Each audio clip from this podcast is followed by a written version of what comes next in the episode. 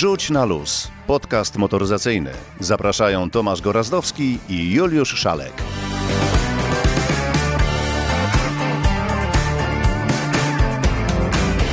Tomasz Gorazdowski, Juliusz Szalek, witamy. Dzień dobry, dobry wieczór. W końcu nie wiadomo, kiedy to pójdzie.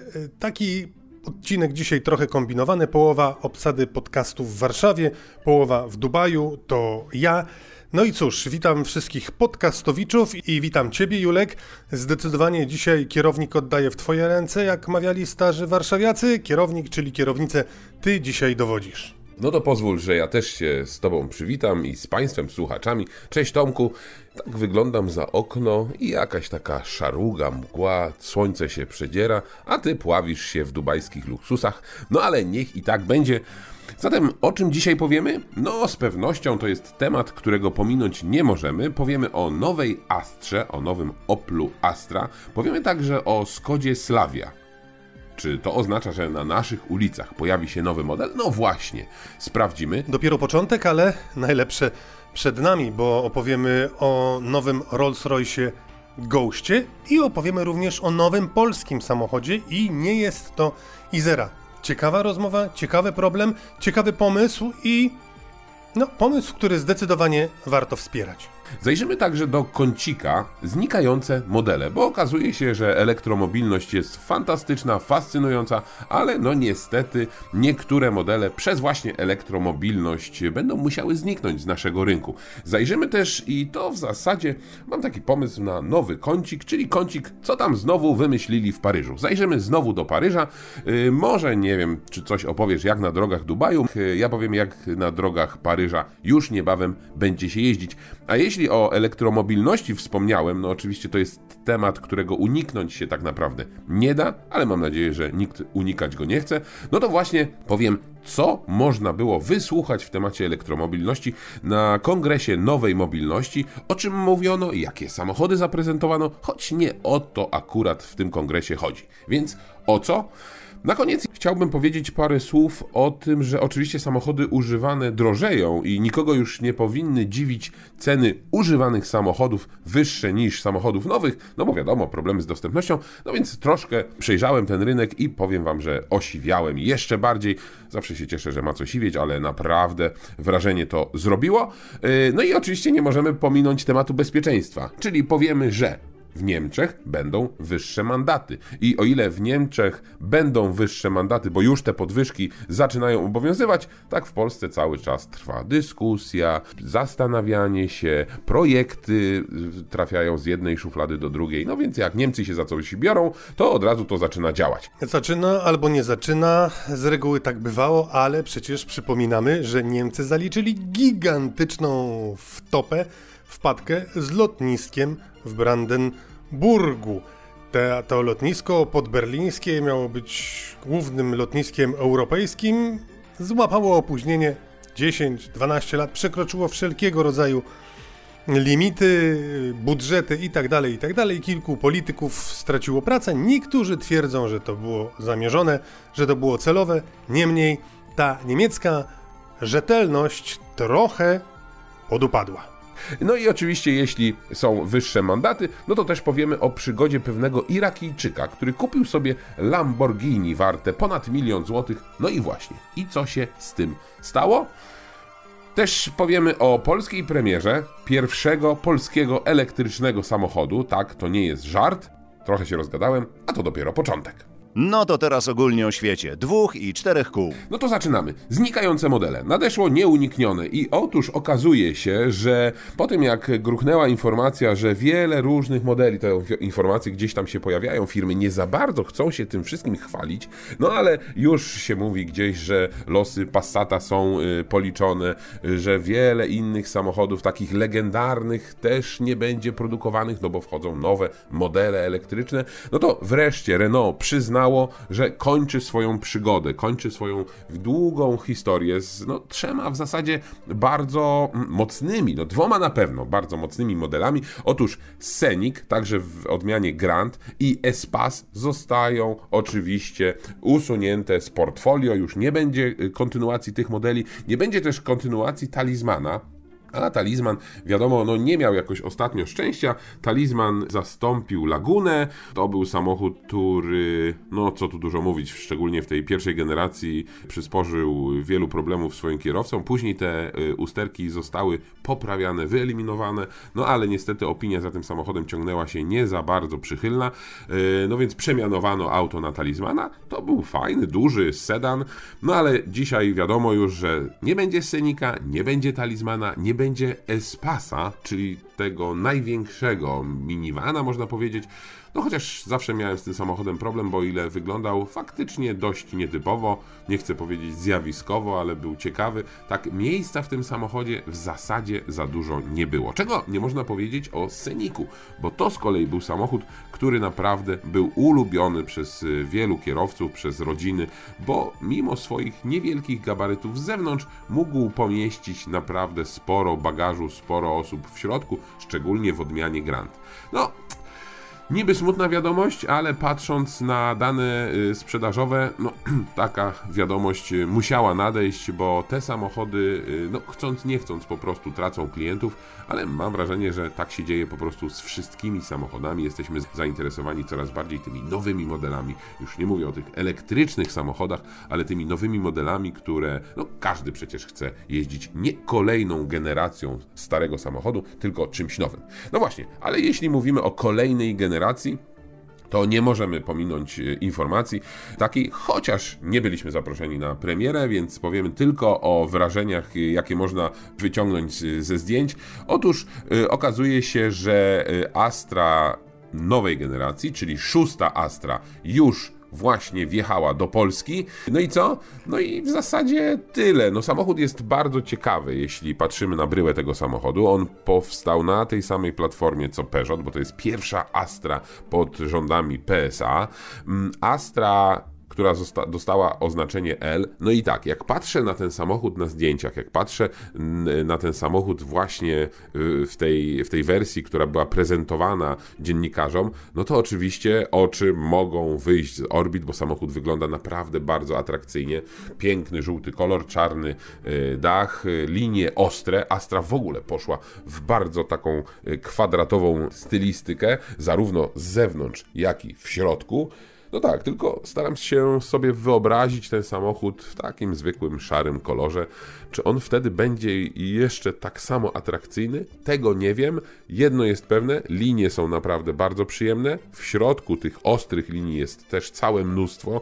Oczywiście panuje ekranoza, są ekrany dotykowe. W wersji, która była pokazana na premierze, polskiej premierze, bardzo dużo też jest w środku tego piano black, tego błyszczącego plastiku. To nie jest y, moja ulubiona bajka. Zobaczymy, jak ten samochód będzie y, wyglądać już w takiej zwykłej wersji, wersji, którą oczywiście będzie można y, kupić. Opel zapowiedział, że będzie pod maską zarówno silnik benzynowy, zarówno silnik diesla, co nie jest dzisiaj normalnością. Za dwa lata pojawi się wersja E, czyli elektryczny Opel. No i będzie też po drodze oczywiście układ hybrydowy. Wszystko to będzie. No, też tak się porobiło, że tej Astry na razie nie ma. Na Astry musimy poczekać, ale polska premiera już Astry była. Gorąca premiera! A teraz o nie byle jakiej premierze pojawia się na drogach nowy Rolls-Royce, nowy Ghost. To zawsze jest w świecie samochodowym wydarzenie. O co chodzi z tym Ghostem, o co chodzi z Rolls-Royce'em? Pytam Franka Timana, szefa PR-u na Europę Centralną i Środkową. Od pięciu lat w górę zajęło Rolls-Royce'owi opracowanie nowego Ghosta, tym bardziej było to trudne, że Trudno wprowadza się nowy model w sytuacji, w której stary, bliski był w jakiś sposób ideałowi. Well, in fact, it took uh, much longer because we start to think about um, a successor. No w zasadzie to więcej nam to zajęło, bo um, zaczęliśmy myśleć o nowym modelu um, już wtedy, kiedy wprowadziliśmy ten, który obecnie jest na rynku. Słuchiwaliśmy się w opinie użytkowników, słuchaliśmy wszystkich, bo jesteśmy firmą, która bardzo związana jest ze swoimi klientami. Hmm. Ich opinie trafiły w całości do tego Ghosta. Ten obecny Ghost to jest nieprzemijająca piękność. Nie zmieniajcie za dużo mówili. Mówili, można cieszyć się luksusem i sukcesem nawet w minimalistyczny sposób, dlatego w tę stronę podążyliśmy. Jeżeli chodzi o zewnętrzne, to najwięcej zmian nastąpiło pod maską, pod karoserią, pod spodem. Mamy teraz napęd na cztery koła, wszystkie cztery koła są e, skrętne, a to wszystko by wzmóc, powiększyć komfort prowadzenia tego samochodu. Jeżeli chodzi o sprawy techniczne, to jest najbardziej zaawansowany samochód w historii Rolls-Royce. To ciekawe, co powiedziałeś przed chwilą. Jesteście jedyną firmą samochodową, która chce raczej uspokoić, stonować kierowcę, a nie po prostu napędzić go w jakiś sposób, sprawić, by był bardziej podniecony. No tak, ta nasza filozofia dotyczy w zasadzie każdego Rolls-Royce'a, można powiedzieć. Tak, staramy się uniknąć zbyt wielu przycisków, zbyt wielu pokręteł. Oczywiście wszystko, co powinno być, jest, ale niekoniecznie musi to być na wierzchu. Każdy dodatkowy przycisk, każdy dodatkowe pokrętło wprowadzi pewnego rodzaju dysharmonię. Ona będzie odwracać uwagę od tego, co jest najważniejsze. Tego oczywiście nie chcemy, bo chcemy sprawić, by jazda kierowcy była jak najbardziej płynna i spokojna. Kierowanie tym samochodem ma być niewymagające. To główna zasada Rolls-Royce'a. Jeżeli chodzi o tego nowego Ghosta, to co było najważniejszego, co się zmieniło w stosunku do starego? Jeżeli chodzi o środek, to tak dużo się nie zmieniło. Najprawdopodobniej najważniejsze to dwa guziki, które pomagają zamknąć przednie drzwi. One zamykają drzwi samodzielnie, samoczynnie. Zwraca uwagę pięknie podświetlony dach, który spowoduje, że jazda tym Ghostem będzie bardzo romantyczna, chociaż nie jestem najlepszą osobą do opowiadania o tym, bo zamiast mnie tutaj na siedzeniu obok powinna siedzieć wybranka twojego serca, z którą mógłbyś dzielić radość tej romantycznej przejażdżki. Jak wspomniałem, te najważniejsze zmiany zaszły wewnątrz, pod maską, pod spodem i chyba najważniejsze to napęd na cztery koła. Jeżeli chodzi o środek, to wszystko związane jest z główną filozofią Rolls-Royce'a. Ekskluzywnością i jakością. Otacza cię najlepsza skóra, najlepsze możliwe drewno, wszystko jest w najlepszym gatunku. Wszystko dookoła powinno być luksusowe i przyjemne w dotyku, tak jak właśnie jest. Proszę powiedzieć o miejscu Ghosta w, we, we wszystkich produktach Rolls-Royce'a, gdzie on się plasuje. To jest najmniejszy Rolls w rodzinie Rolls. oczywiście nie chodzi tutaj o rozmiar, szczególnie w porównaniu z Phantomem. Phantom jest takim ostatecznym, końcowym Rolls-Royce'em, formalnym samochodem.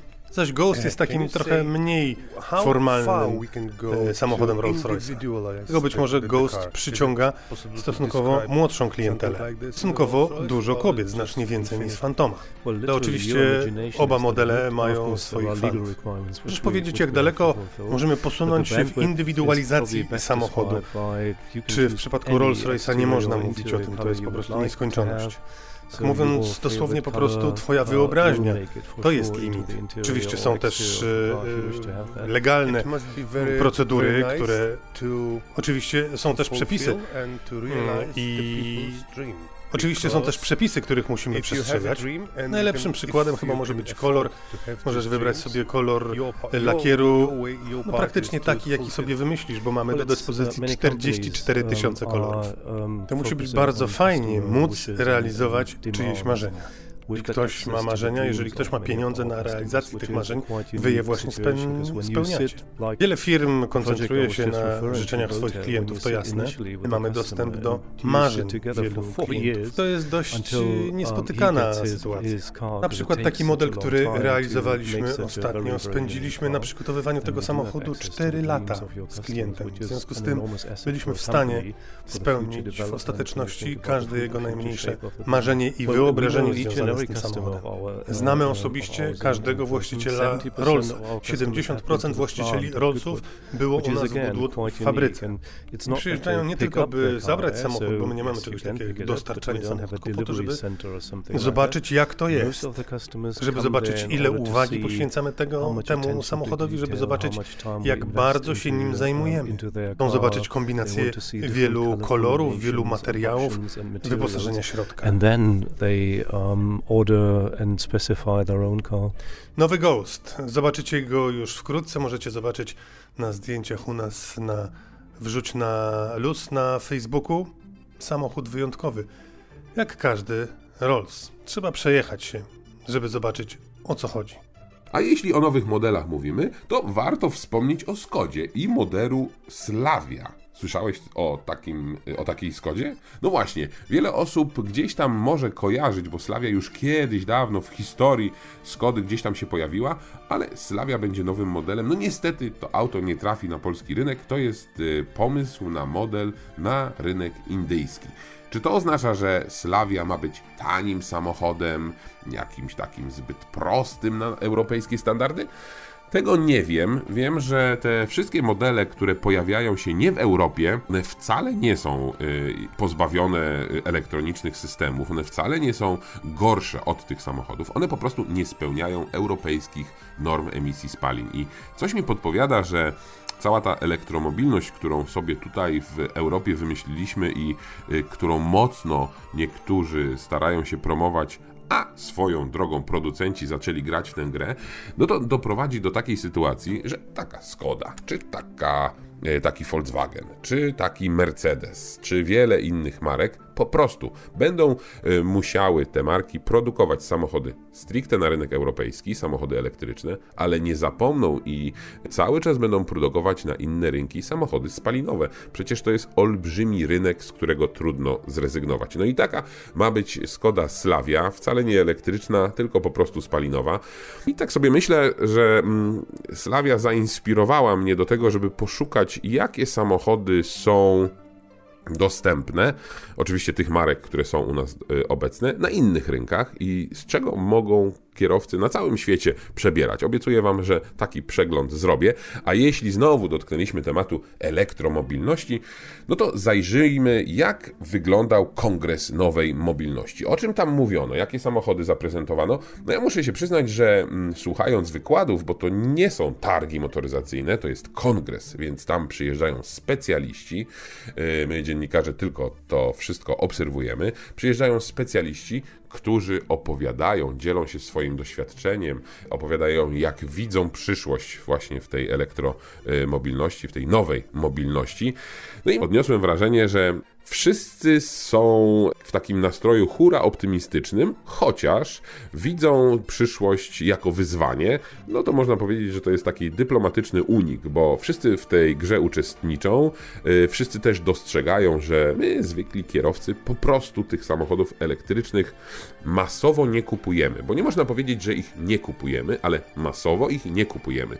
Stąd przecież yy, wielki boom na samochody używane i to, co się dzieje ostatnimi czasy z samochodami używanymi, no to każdy może sobie odpowiedzieć na to pytanie, czy kupiłby samochód elektryczny za 150-160 tysięcy, czy jednak samochód używany. Oczywiście jest olbrzymia grupa kierowców, którzy te elektryki chcą nimi jeździć i używają i bardzo dobrze, ale mm, w skali no, takiej globalnej, y, no to ten udział przynajmniej na polskim rynku nie jest cały czas wysoki, no bo właśnie i na to zwracają uwagę specjaliści y, punkty ładowania, problemy z ładowaniem, jeśli ktoś dysponuje swoim gniazdkiem w domku czy, y, czy na osiedlu, to jeszcze jako tako może sobie poradzić, ale ktoś, kto mieszka w bloku, no to po prostu tego ładowania jest pozbawiony, a przecież korzystając tylko ze słupków ładowania, to ten koszt ładowania, koszt prądu w takim słupku jest porównywalny tak naprawdę z kosztami paliwa. No może teraz jeszcze nie, no bo benzyna, ceny benzyny oszalały,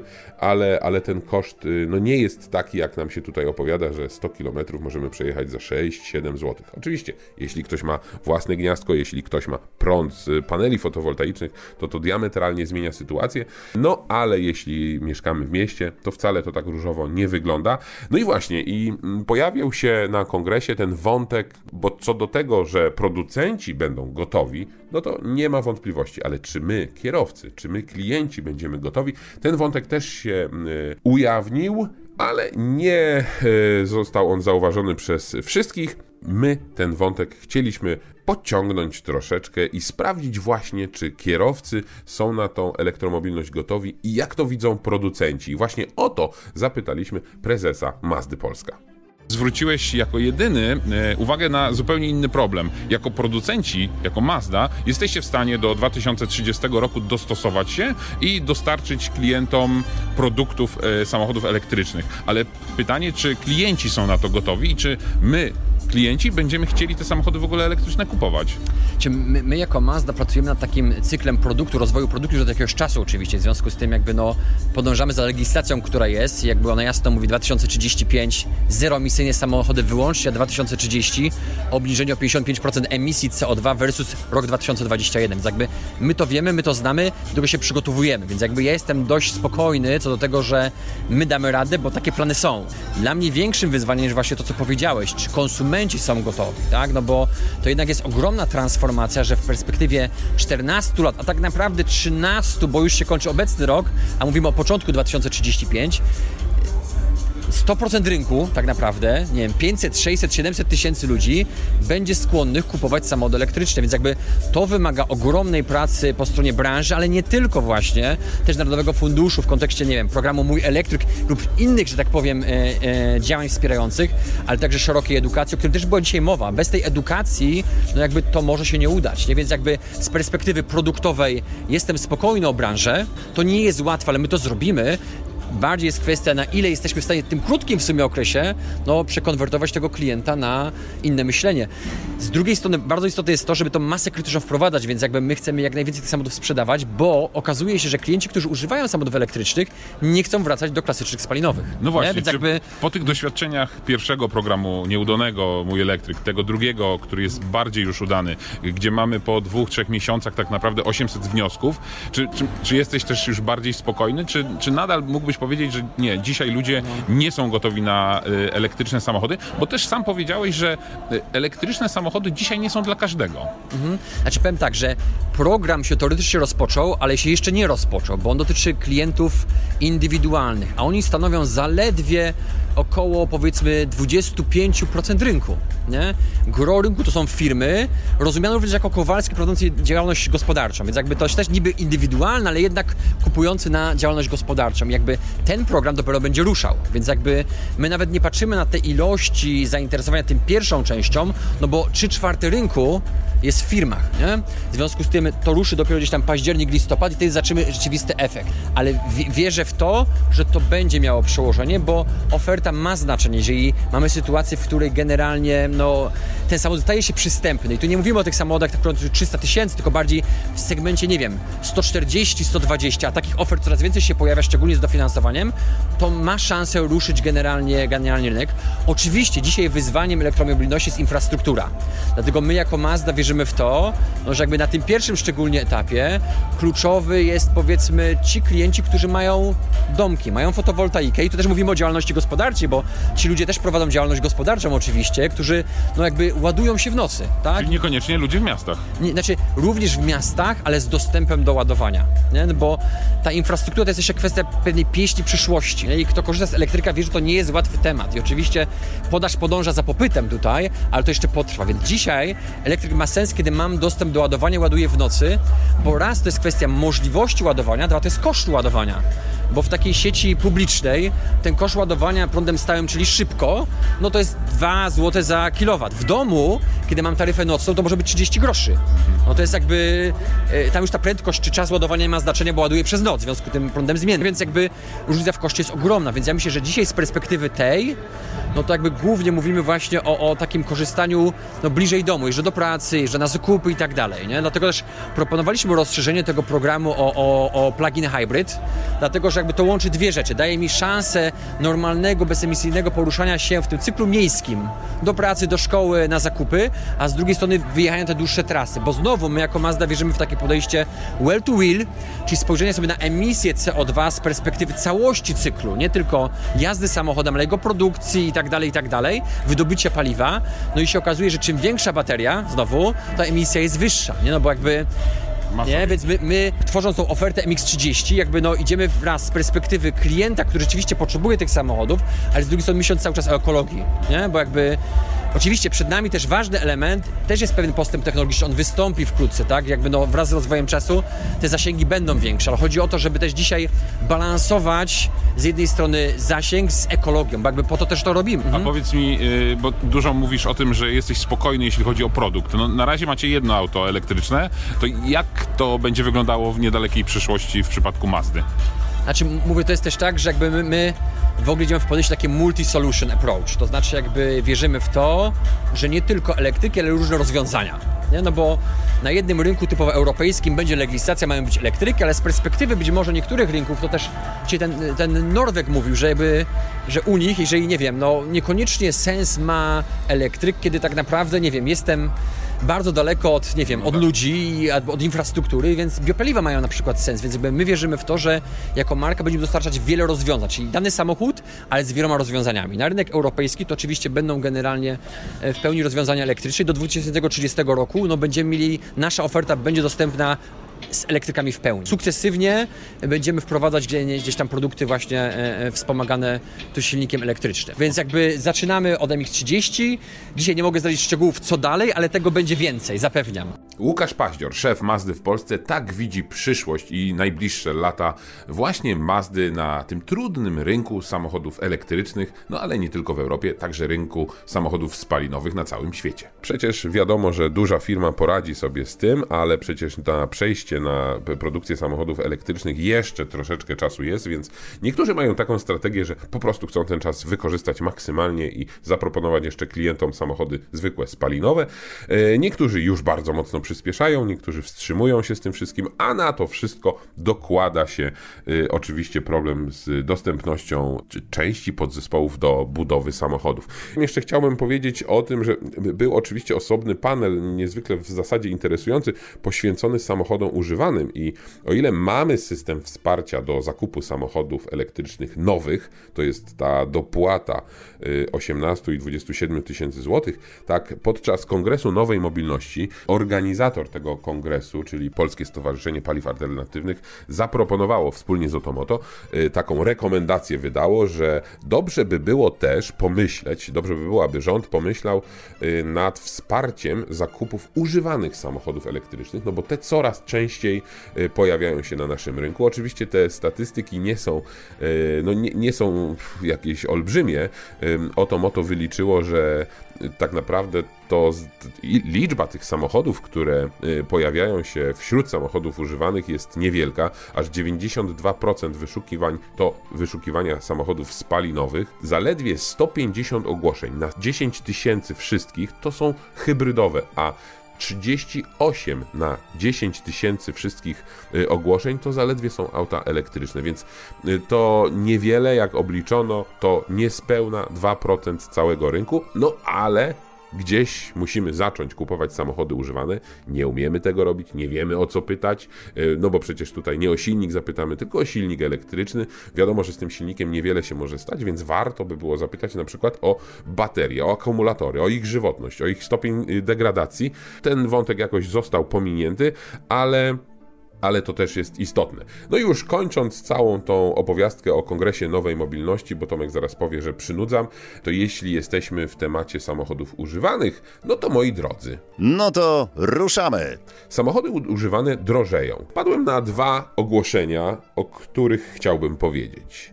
Duży Fiat z 1968 roku 100 tysięcy złotych. Lublin za 123 tysiące złotych. Tak, to nie żart, to konkretne ogłoszenia, które pojawiły się na portalach aukcyjnych. No i to pokazuje co? No oczywiście to jest taka śmiesznostka, ale to pokazuje, że także właściciele samochodów klasycznych oszaleli. No nie wiem, czy tak można powiedzieć, bo każdy może wystawić cenę y, za swój samochód, jaką chce. Pytanie, czy znajdzie się kupiec na takie auto. Coś mi podpowiada, że duży Fiat, obojętnie jaki by on nie był, za 100 tysięcy złotych to jest lekka przesada, ale może znajdzie się klient. No i także Lublin, czyli taki Intral, bo to jest samochód z ostatniego, w zasadzie ostatnich lat produkcji, nawet biorąc pod uwagę mały przebieg, nawet jeśli weźmiemy pod uwagę to, że on ma wszystkie jeszcze fabryczne y, naklejki, nawet na tylnym moście, gdzieś tam po prostu no widać, że ten stan jest po prostu niemalże idealny, 123 tysiące złotych za takie auto, no to jest chyba lekka przesada, ale samochody używane drożeją. Na luzie. Pogadajmy. No dobrze, to trochę y, odejdźmy od tych samochodów, y, zajrzyjmy do tego kącika, którego roboczo nazwałem Co tam znowu wymyślili w Paryżu. No okazuje się, że po tym, jak obniżyli prędkość w całym centrum miasta do 30 km na godzinę, władze miasta doszły do wniosku, że w dzisiejszych czasach nikt już tak naprawdę nie korzysta ze znaków, e, każdy patrzy w nawigację, każdy korzysta z Google'a czy z jakichś innych urządzeń. I otóż władze Paryża chcą zlikwidować drogowskazy. Jeśli popluliście się teraz albo, y, albo zakrztusiliście się herbatą, to słusznie. No bo wyobraźcie sobie, co może się dziać, jeśli w mieście nie będzie drogowskazów. Oczywiście mówimy tutaj o drogowskazach nie takich tych samochodowych, tylko tych, które w zasadzie ułatwiają poruszanie się zarówno pieszym, rowerzystom, jak i wszystkim po prostu, bo nie, nie mówimy o drogowskazach, które mówią, gdzie jechać w danym kierunku do innego miasta, tylko jak poruszać się po mieście. No ale władze Paryża są nieugięte i chcą zlikwidować łącznie, uwaga, 1800 drogowskazów.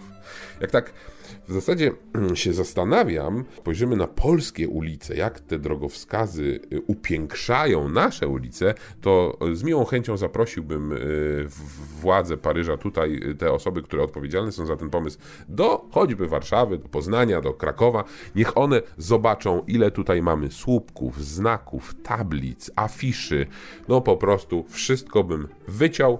Więc myślę, że to jest całkiem niezły pomysł. Już, już, już, Tomek, nie denerwuj się. W strasznie złym świetle mnie stawiasz. No nie denerwuj się i nie denerwuj. Ja tylko tutaj pilnuję czasu. Już kończę, ale jeszcze jeden temat, no w zasadzie dwa, a może i trzy, jeśli zdążymy. Yy, podwyżki mandatów. My cały czas zastanawiamy się, czy podnosić mandaty, o ile podnosić, o 5 tysięcy, 30 tysięcy i tak dalej. Projekt trafia z szuflady do szuflady. Moim zdaniem nic z tego nie wyjdzie. Jak zawsze będzie oczywiście wielka chryja, paru się tam yy, osobom to nie spodoba i, i zostanie tak jak jest.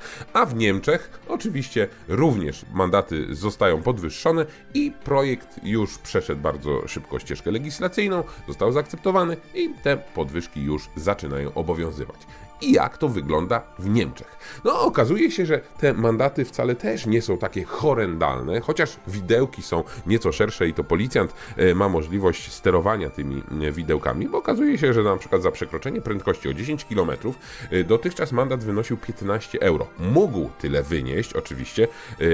Policjant mógł tutaj decydować za co i w jakiej wysokości podniesie wysokość mandatu, a teraz nie będzie już 15 euro, tylko 30, czyli mamy podwyżkę podwyżkę od 100%. Ale oczywiście maksymalna kwota za przekroczenie prędkości to 800 euro, a to już nie jest mało. Podwyżki dotyczą także, a może przede wszystkim ruchu w mieście, parkowania, więc y, no jeśli ktoś wybiera się na przykład do Berlina albo do Monachium, no to szczególnie uważajcie, bo te mandaty są naprawdę wyższe. No i przede wszystkim wyższe mandaty będą także za niedostosowanie się czy niestosowanie tworzenia korytarzów bezpieczeństwa na autostradach. To jest już naprawdę w Niemczech bardzo y, poważna sprawa i wszyscy tam do tego, do tego podchodzą poważnie. To już nawet nie jest tak, że jak jest korek na autostradzie, wszyscy stoją normalnie i dopiero jak usłyszymy sygnał karetki czy jakichś służb, trzeba się rozjechać. Nie, tam już w momencie, kiedy tworzy się korek, skrajne lewe pasy oczywiście się rozjeżdżają i po prostu te samochody tak tam zatrzymują się. No jeśli jesteśmy w kręgu mandatów i tego właśnie, czy zabierać prawa jazdy, czy nie zabierać prawa jazdy za wykroczenie, czy zabierać i konfiskować samochody, czy nie, no to może tutaj komuś e, spodoba się przykład z Danii. Otóż w Danii od w zasadzie marca obowiązuje nowy przepis, że jeśli kierowca w wydychanym powietrzu ma 2 promile e, alkoholu, to samochód jest mu konfiskowany. I to nieważne, czy to jest samochód jego, pożyczony, teściowej, sąsiadki, nie ma to absolutnie znaczenia. Samochód jest konfiskowany, państwo przekazuje go na licytację i sprawa jest załatwiona. Ale nie tylko samochód jest konfiskowany pijanym kierowcą. Jeśli jakiś krewki kierowca przekroczy prędkość dwukrotnie, to również traci samochód. I okazało się właśnie, że do takiej sytuacji doszło. Pewien kierowca, nieważne jakiego kraju to obywatel, kupił sobie w Niemczech Lamborghini za ponad milion złotych i pojechał na prom. No, oczywiście musiał jechać przez Danię. Tuż przed promem pozwolił sobie na mocniejsze przyciśnięcie pedału gazu, no bo wiadomo, że przecież y, u siebie w Norwegii, do której jechał, są bardzo wysokie mandaty, więc pozwolił sobie na pewną nonszalancję. W Danii przekroczył prędkość dwukrotnie, jechał 236 km na godzinę. Tak się akurat stało, że trafił na patrol policji. Policja duńska zabrała mu samochód bez dyskusji, a jeszcze na dodatek kierowca dostał mandat. Można można. Niesamowita historia. Powiedziałem o gorącej premierze, czyli o Oplu Astra, ale nie możemy zapomnieć także o innej gorącej premierze. Otóż, y, no tak jakoś w zasadzie bym powiedział, że trochę niezauważona została y, premiera pierwszego polskiego samochodu elektrycznego. No jeśli zakrztusiliście się znowu, y, albo coś wam wypadło z ust, no to nie, nie, nie, powtórzę premiera pierwszego polskiego samochodu elektrycznego i nie jest nim Izera. Mówię o samochodzie, który nazywa się Wosko EV2. To czteroosobowy samochód elektryczny, no taki klasy B, kompaktowy, projektowany i zbudowany w Polsce. I słuchajcie, to nie jest projekt, to nie jest szkic, tylko to jest 11 rzeczywistych samochodów, y, kilka już jest homologowanych. No, cały wyc polega na tym, że ten samochód teraz dopiero czeka najtrudniejsze, czyli znalezienie inwestora. Y, od razu powiem, y, spółka, która tworzy Izerę nie jest zainteresowana, choć jakieś rozmowy są prowadzone. No więc czy Wosko w ogóle trafi na ulicę? O to zapytaliśmy Andrzeja Stasiaka, człowieka, który stoi za właśnie tym samochodem, za jego platformą, bo to jest produkt, wytwór polski, za całą mechaniką, bo tutaj silniki i cały układ napędowy też jest naszego pomysłu, więc jakie losy tego samochodu będą w niedalekiej przyszłości? O tym opowiada Andrzej Stasiak. Takich samochodów mamy je, e, dokładnie w tym designie mamy 5. Łącznie mamy 11 samochodów, które cały czas są, są w pełni kompletne, funkcjonalne, jeżdżą, są w trakcie badań homologacyjnych. E, także są zaprojektowane z myślą o tym, żeby te całe, ten proces e, homologacji całopojazdowej przejść pozytywnie i zostać dopuszczonym do, do ruchu. Natomiast, żeby e, samochody weszły do masowej produkcji, no my poszukujemy partnerów strategicznych, partnerów biznesowych, którzy wesprą nas w jakby starcie produkcji, w uruchomieniu produkcji w naszym kraju, E, ponieważ no, mm, budżet, który jest potrzebny na uruchomienie produkcji jest no, naprawdę bardzo duży. Ile mniej więcej to kosztuje? No, e, kilkaset milionów e, potrzebowalibyśmy na, na początku drogi, mhm. żeby uruchomić taką, taką fabrykę. Natomiast no ten, na ten projekt też możemy spojrzeć jako taki, to tutaj mówiliśmy w trakcie premiery, na taki zbiór części, czy podzespołów, czy obszarów, ponieważ oprócz tego, że opracowaliśmy samochód, opracowaliśmy technologię do montażu tego samochodu, opracowaliśmy też wiele systemów. Pod nami tutaj jest system bateryjny, który jest naszego autorstwa. E, cała ta platforma do spodnia pojazdu może być zastosowana zarówno do małego miejskiego autobusiku, jak i do większych projektów, chociażby wspomnianej Izery. Ale chwila, chwila, chwila, bo wszyscy nam opowiadają, że skonstruowanie samochodu, tym bardziej samochodu elektrycznego, to jest długi proces, bardzo czasochłonny, bardzo kosztochłonny. A wy tutaj wyskakujecie z samochodem, mówicie, że macie nie, swoją platformę, macie swój akumulator. Wiele lat, wiele lat pracy. Tak? No właśnie, ile to trwało? Od, od ten, kiedy jakby ten. ten... Projekt 3,5 roku, tak, ale to jest naprawdę bardzo intensywna praca. E, żeby e, stworzyć, zbudować, żeby ktoś nam chciał sprzedać. E, bo w Polsce nie ma przemysłu, wbrew temu, co wszyscy opowiadają, że w Polsce tyle się tworzy. E, e, duży producent systemów bateryjnych w Polsce nie zamierza nam sprzedawać takiego, takich systemów, bo oni tylko składają i dostarczają gdziekolwiek są łańcuchem w całym, całym procesie. To skąd akumulatory w samochodzie Wosk? Akumulatory udało nam się zakupić od producenta w Stanach. Na szczęście jest kilka obszarów na tym świecie, mm, kilka takich krajów, gdzie no, patrzy się troszeczkę bardziej perspektywicznie, także udało nam się kupić moduły, natomiast cały system bateryjny, e, czyli kompletny z systemem e, BMS, z układem sterowania, to wszystko powstało u nas. Mieliśmy jedną firmę, która pomagała nam w integracji samego systemu BMS w stosunku do modułów, natomiast cała integracja kompletnego systemu bateryjnego z pojazdem, to już jest nasz engineering. Wszyscy pasjonujemy się tym, ile polskości w polskim samochodzie, to mhm. jakby mógł Pan powiedzieć, ile procent y, tego samochodu to jest polska myśl techniczna? No, myślę, że tak z 85%, tylko no tak ciężko to tak e, wszystko rozliczyć, bo wie pan, chemię e, do produkcji paneli zewnętrznych, bo to same panele są z trysku niskociśnieniowego, musimy kupować we Francji, bo oni mają e, wykupioną koncesję od firmy Bayer, która jest niemieckim producentem, a w Polsce to jest niedostępne i nikt tego nie sprzeda, mamy tylko jedną możliwość kupienia w jednym miejscu.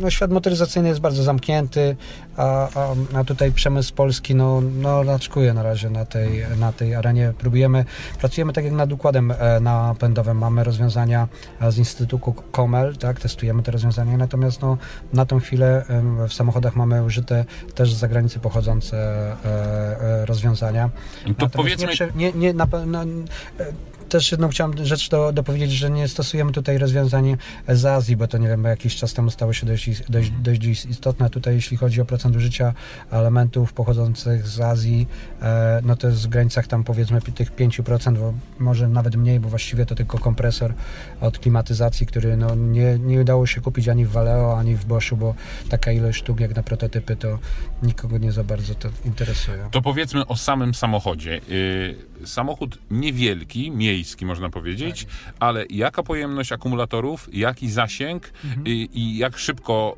i jakim prądem można to auto ładować?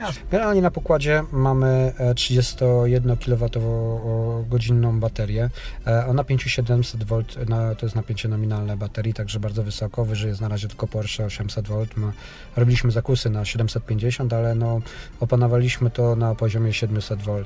Także przy takim na, napię wysokim napięciu pojemność 31,5 kWh to jest naprawdę bardzo przyzwoita bateria, dająca szansę spokojnie, w normalnych warunkach jazdy, nie w cyklu WLTP, tylko normalnie użytkując, e, przejechać te 210 do 220 km.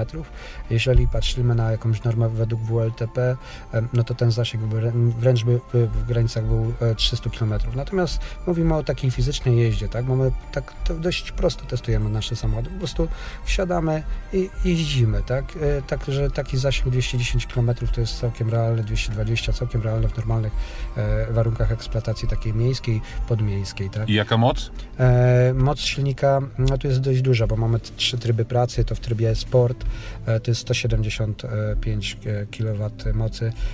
Trochę za dużo, e, ale no, sprawia naprawdę przyjemność z jazdy. Możemy to personalizować, to nie jest dla nas kłopot. Tak? E, e, chodzi o to, że to, co wspomniałem na początku, że to jest platforma. Tak? Ja, mm, to 175 koni świetnie by się spożytkowało troszeczkę na przykład w większym samochodzie gdzie mógłbym też wsadzić trochę większą baterię, bo to 31,5 kWh jest tylko dlatego, że ten obszar samochodu jest stosunkowo nieduży.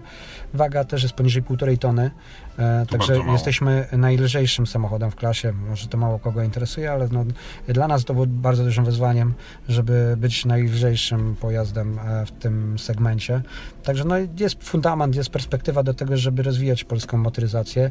E, Ten projekt wraz z technologią jest solidnym fundamentem do tego, żeby cokolwiek na tym powstało. No ale jeśli nie znajdzie się inwestor, no to niestety ten samochód y, nie, nie powstanie, tak? Dobrze rozumiem? Tak, dobrze pan rozumie i będzie to kolejnym, e, kolejny zaszufladkowany projekt. No, oby nie, bo to jest naprawdę e, wielkie wyzwanie, e, masę pieniędzy. To głównym inwestorem e, projektu to jest prezes Mieczysław Wośko, teraz już świętej pamięci niestety. E, mm, prezes wyłożył e, masę pieniędzy własnych. Tutaj część mieliśmy na ten program pojazdów elektrycznych, mieliśmy część refinansowanie e, z Innomoto, natomiast to refinansowanie to było w wysokości 4 milionów złotych. Powiem szczerze, to są stosunkowo nieduże pieniądze do takich 11 samochodów kompletnych, gdzie każdy ma system e, bateryjny, e, układ napędowy, każdy jest w pełni funkcjonalny, można wsiąść, jechać, wszystko działa, tak? Ogrzewanie A liczyliście ile ten projekt już pochłonął pieniędzy? W granicach 30 milionów. Granicach 30 milionów, ale to też jest tylko taka e, faza związana z, zakupow- z zakupami, przystosowaniem e, fabryki. No wie pan, e, systemy bateryjne trzeba montować w odpowiedni sposób, e, wykwalifikowana kadra i tak dalej, 700 V, tu nie ma żartów, to naprawdę może cień po człowieku zostać, nie? Także A na koniec proszę powiedzieć, jak patrzy pan na to, co dzieje się wokół Izery, czyli pierwszego polskiego samochodu elektrycznego, to co pan sobie myśli? Wystartowaliśmy w 2017, w połowie 2017 roku, jak się zrobił boom taki na elektromobilność, rząd postawił e, na tą elektromobilność. E, Przystąpiliśmy do tego, braliśmy udział w pierwszym konkursie. Nasz główny projektant Damian Woliński e, był finalistą tego konkursu. My przygotowaliśmy pod jego pracę, przygotowaliśmy całe zaplecze, cały engineering. E, Natomiast nie zostało to wykorzystane, tak? Nie zostało to wykorzystane. M- e, Elektromobility poszło troszeczkę inną ścieżką. Nie mamy żalu, tak? Nie mamy żadnych pretensji, natomiast e, nie, wyklucz, nie wykluczamy takiej no, możliwości współpracy w przyszłości, tak? Znamy się, wspieramy się, tak? No, mam nadzieję, że się szanujemy, tak? No bo i... Tylko mi nie chodzi bardziej o ten timing, bo pan mówi, że zaczęliście w 2017 Tak nad projektem tego 17, auta, tak, a oni 17. no, w zasadzie mają nadwozie, mają wnętrze, nie mają platformy, a chcą w przyszłym roku już produkować auto. Nie mają też fabryki. No trzymam za nich kciuki, natomiast no, my idziemy swoją ścieżką, tak, no, mamy fizyczne samochody w pełni funkcjonalne, mam e, połowę, no prawie połowę badań homologacyjnych zrobionych. Nie zrobiłem tego obszaru, e, który w tym momencie się nie opłaca, e, chodzi na przykład o system bateryjny, ponieważ nie jest wybrany docelowy dostawca. A tu jeszcze trwają negocjacje, żebyśmy mogli w stanie zaoferować jak najlepszą cenę, więc ten obszar nie został schomologowany, bo później jak zmienię specyfikację części, to ta homologacja mi przepada. Taka homologacja to te, też jest, są potężne pieniądze, tym bardziej, że w Polsce e, te instytuty e, nie mają akredytacji, tak? I teraz badanie hałasu. Zwykły szelest samochodu. Trzeba jechać poza granicę. Nie ma w Polsce instytutów, które mają odpowiednią akredytację, żeby takie badania zrobić. No tak, moi drodzy. No niestety może się okazać, że Wosko na tym etapie niestety zakończy swoją historię i będzie to kolejny projekt. Oczywiście tego nie życzymy, bo, mm, bo, bo fajnie, gdyby taki samochód faktycznie trafił do produkcji. Ja w tym samochodzie miałem okazję siedzieć. Nie jest to duży samochód, ale na miasto w zasadzie y, nadaje się. Zaskoczyło mnie jedno. Masa tego samochodu. Niespełna półtorej tony, a przy y, akumulatorach y, no, 31 kWh to nie jest dużo, ale jak y, twierdzi twórca, zasięg przy tych parametrach to około 290 km. No, muszę powiedzieć, że to robi wrażenie. Trochę mniejsze wrażenie robi oczywiście spasowanie poszczególnych elementów tego samochodu. Yy, no, no jakby y, troska o detale. Tutaj widać, że to jest po prostu taka manufaktura. No ale czy trzymać kciuki za Wosko? Ja bym trzymał kciuki za Wosko, yy, chociaż yy, wszystko co polskie można powiedzieć, że można za to trzymać kciuki, ale trzeba niestety realistycznie patrzeć na to wszystko. No i jeśli mamy do wyboru hmm, samochody renomowanych producentów, to z czym tutaj szukać? No jedynie podziwiać twórców, że mają siły, mają ochotę, no i mają pieniądze na to, żeby tworzyć tego typu projekty. A jeśli ktoś do tego wszystkiego wydaje swoje prywatne pieniądze na takie, ktoś powie, fanaberie, to nic nam do tego. A jeśli ktoś wydaje nasze, publiczne środki, no to już zaczyna to wyglądać inaczej i warto się temu przyjrzeć i warto to wszystko rozliczyć. No i na dziś to koniec. Życzymy Wam udanego tygodnia. Powiedzcie o nas krewnym, znajomym i przyjaciołom. Wrzuć na luz.net. Na Facebooku słuchajcie nas na platformach podcastowych. No i polecajcie innym. Jak się wszystko uda, usłyszymy się za tydzień. Tomasz Gorazdowski, Juliusz Szalek, dziękujemy. Do usłyszenia.